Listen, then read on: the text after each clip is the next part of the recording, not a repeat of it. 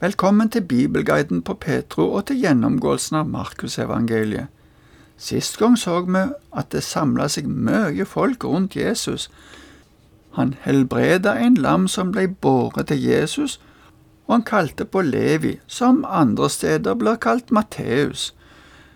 Vi så òg at det begynte å bli litt motstand fra fariseerne og de skriftlærde imot det som Jesus gjorde. I dag så skal vi se noen spørsmål rundt gudsdyrkelsen som jødene hadde, og hva Jesus mente om dette. Først kommer det et avsnitt om fest og faste. Vi er i kapittel 2 og skal nå først lese fra vers 18 til 22. Fariseerne og disiplene til Johannes holdt faste, og det kom noen til Jesus og spurte, både disiplene til Johannes og fariseernes disipler faster. Hvorfor gjør ikke dine disipler det? Kan vel bryllupsgjestene faste mens brudgommen er hos dem? svarte Jesus.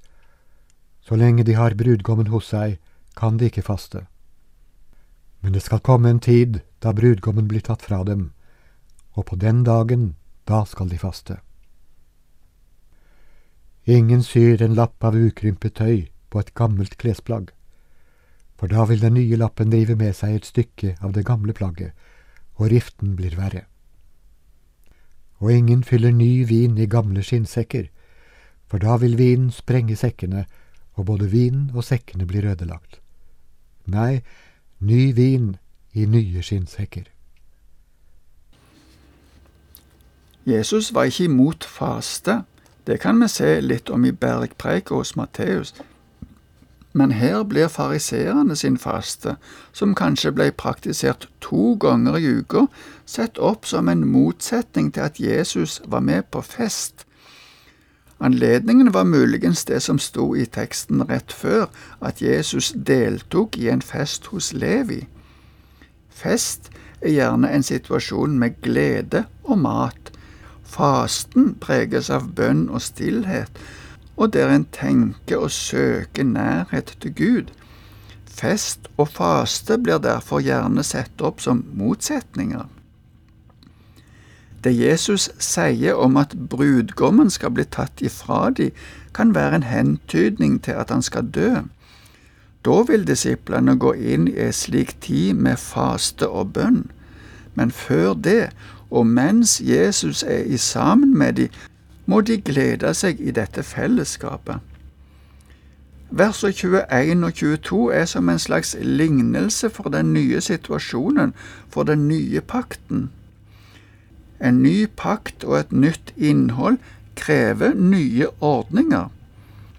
I fortsettelsen ser vi et annet punkt der Jesus tenkte annerledes enn fariseerne.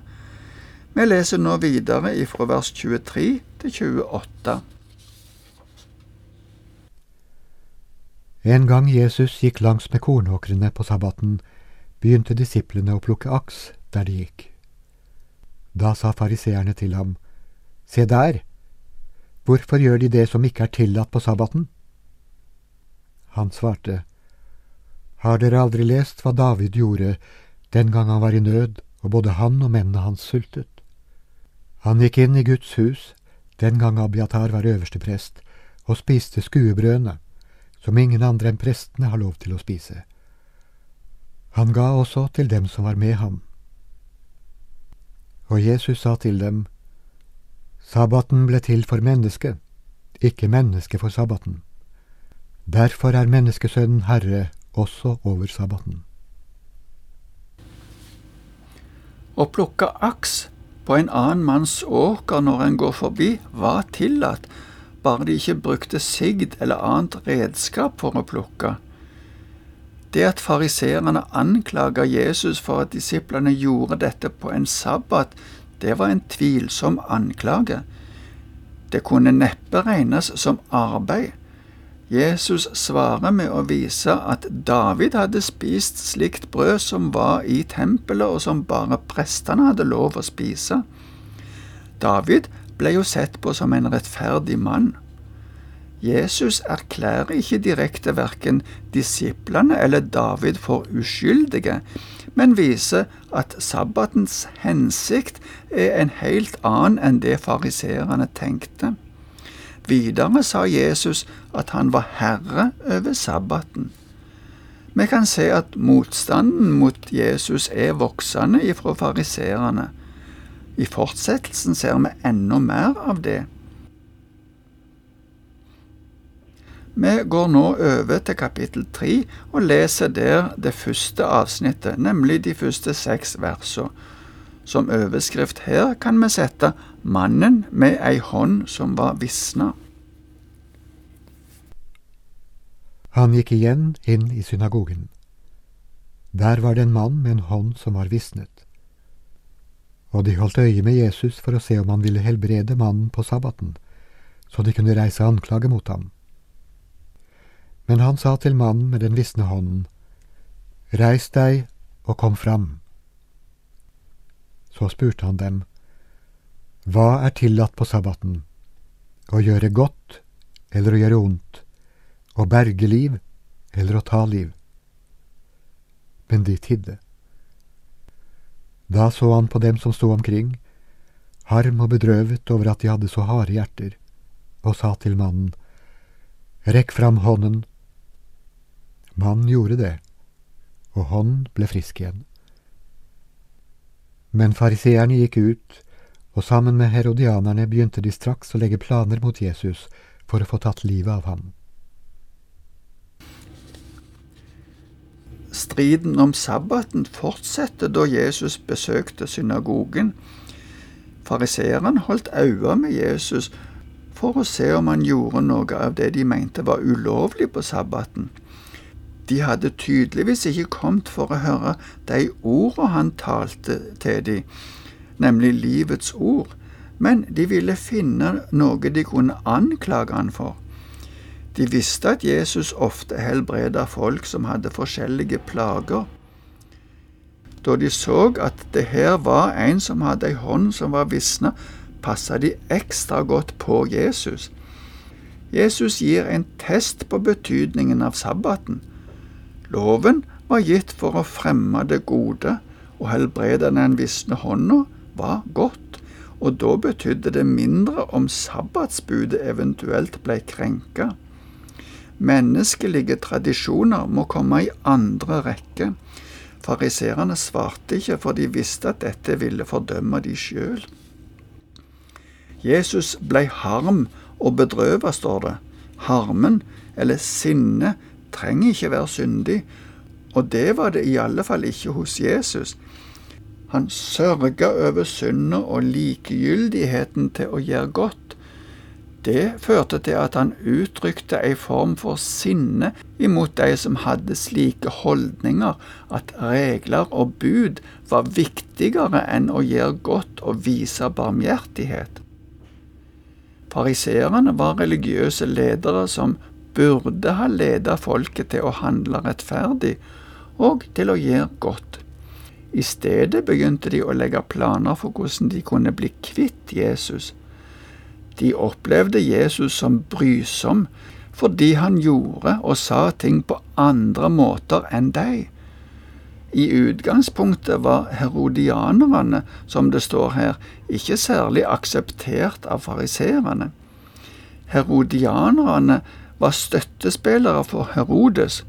Herodes, på samme måte som en tidligere Herodes, var redd for å få en rival som kunne bli konge. Selv om fariseerne og herodianerne var uenige om det meste, så var de enige om å prøve å bli kvitt Jesus, selv om det ville bety å ta livet av han men folk flest var begeistra for Jesus og strømma sammen der han var. Det leser vi litt om i fortsettelsen. Vi skal nå lese ifra vers 7 til 12. Jesus dro ned til sjøen med disiplene, og en mengde mennesker fra hele Galilea fulgte etter. Også fra Judea, fra Jerusalem og Idumea, fra landet bortenfor Jordan og fra områdene rundt Tyros og Sidon kom de til ham i store mengder fordi de hørte om alt det han gjorde. Da ba han disiplene holde en båt klar for ham dersom folkemengden skulle trenge for hardt innpå ham. For han helbredet mange, så alle som hadde plager, trengte seg fram for å røre ved ham. Når de urene åndene så ham, kastet de seg ned for ham og ropte, Du er Guds sønn. Men han truet dem og påla dem strengt at de ikke måtte gjøre kjent hvem han var. På grunn av sammensvergelsen vi leste om i det forrige avsnittet, gikk Jesus og disiplene ut av byen og ned til sjøen. Men folkemengden flokka seg fortsatt om de. I denne folkemengden var det ikke bare folk ifra Galilea, men også ifra sør, ifra Judea, Jerusalem og Idumea. Idumea er det samme som Edom på sør-østsida av Dødehavet og oppover langs Jordan. Det var herifra Herodes kom. Bortenfor Jordan viser til området litt lenger nord. Dessuten var det også noen som kom ifra Tyrus og Sidon, som lå langs kysten. Jesus fortsatte å helbrede mange som var syke, og også de som hadde urene ånder. Disse åndene ropte ut at Jesus var Guds sønn. Det står at de urene åndene kasta seg ned, men åndene har ingen kropp. Det var personer som var besatt av disse åndene, og det var nok disse menneskelige kroppene som kasta seg ned.